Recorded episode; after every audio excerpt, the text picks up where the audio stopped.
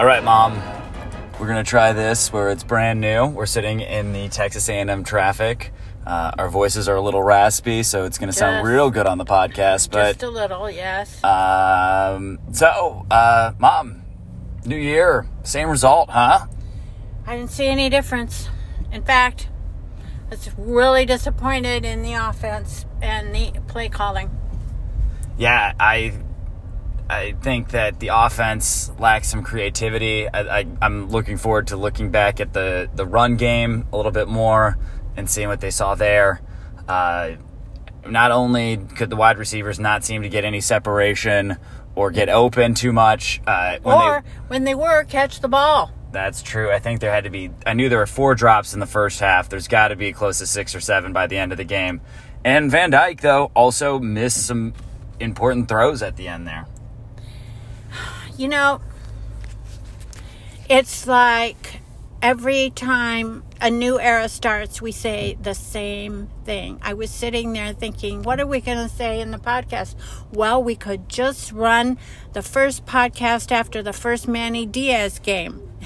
Yeah, that Florida game um, that you were at as well that ended similar. Oh, that was very similar. Yes, yeah, it seemed like there would be more action. Seemed that we would see some hope. Um, but yeah, I, I think one of the other, you know, we, we get into special teams here in a minute, but the other big takeaway I had was um, Manny, or not Manny, wow, I'm already doing it, Mario, and not being really aggressive and kind of a, a seemed like a pretty poor clock management.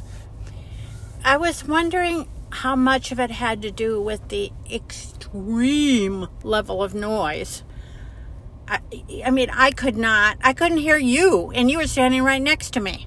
I, I think level of noise, yes, but clock management, where it was the end of the first half, instead of taking a few timeouts when Texas A&M had the ball to try and get the ball back and maybe go score, he let the clock run out, so he took all the timeouts into the half. They then called a timeout in the first drive in the second half, and that came back to hurt because A&M was able in the last possession for them take off, you know, an extra 40 seconds that, you know, kind of hurt the Canes, but it, it, it just seemed like a mismanaged and then you had the fourth and goal and down 17 to 3 and he kicks a field goal late in the third quarter to make it still a two possession game Well, I, I, I, I didn't understand. I mean, you got nothing to lose at that point. yeah and it's just it's one of those I, I, I didn't really understand it in that sense. And, and this is the stuff that we were excited of of he's coached at Oregon. And, and kind of the rap on him was some of his mismanagement of clock or his clock mismanagement. I At can finally Oregon? get it at Oregon. And so we're finally seeing it here but it's, that's too bad because he's supposed to be a longtime head coach. He should know what he's doing. Well, um, on the positive, it was really a fun atmosphere.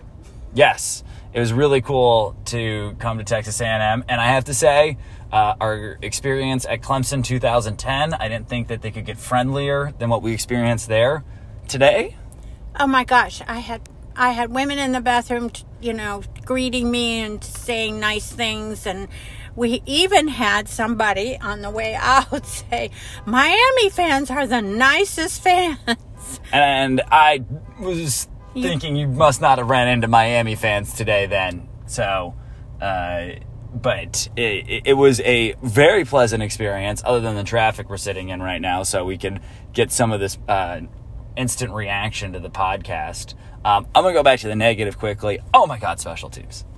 Oh my god.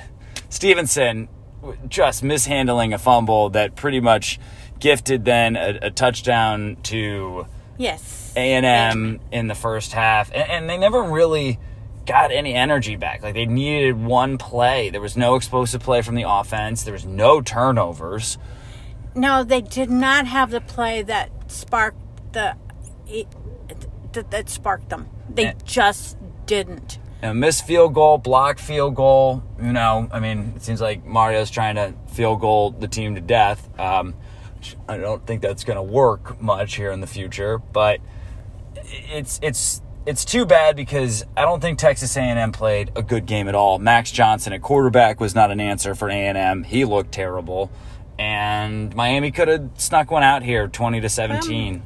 You know, they only scored 17 points. they did, and It's not like they ran away with the game. and the only time that they scored um, outside of the muff punt was scripted plays at the beginning of the first halves. They scored the field goal on the first drive, and they scored a touchdown on their first drive out of halftime. And you and, know they and then the other touchdown was as a result of our um, of Stevenson's muffed punt. So, I, you know, I, I as I was walking out, I feel, I don't know, I don't want to say the skull, sky's falling on Miami once again.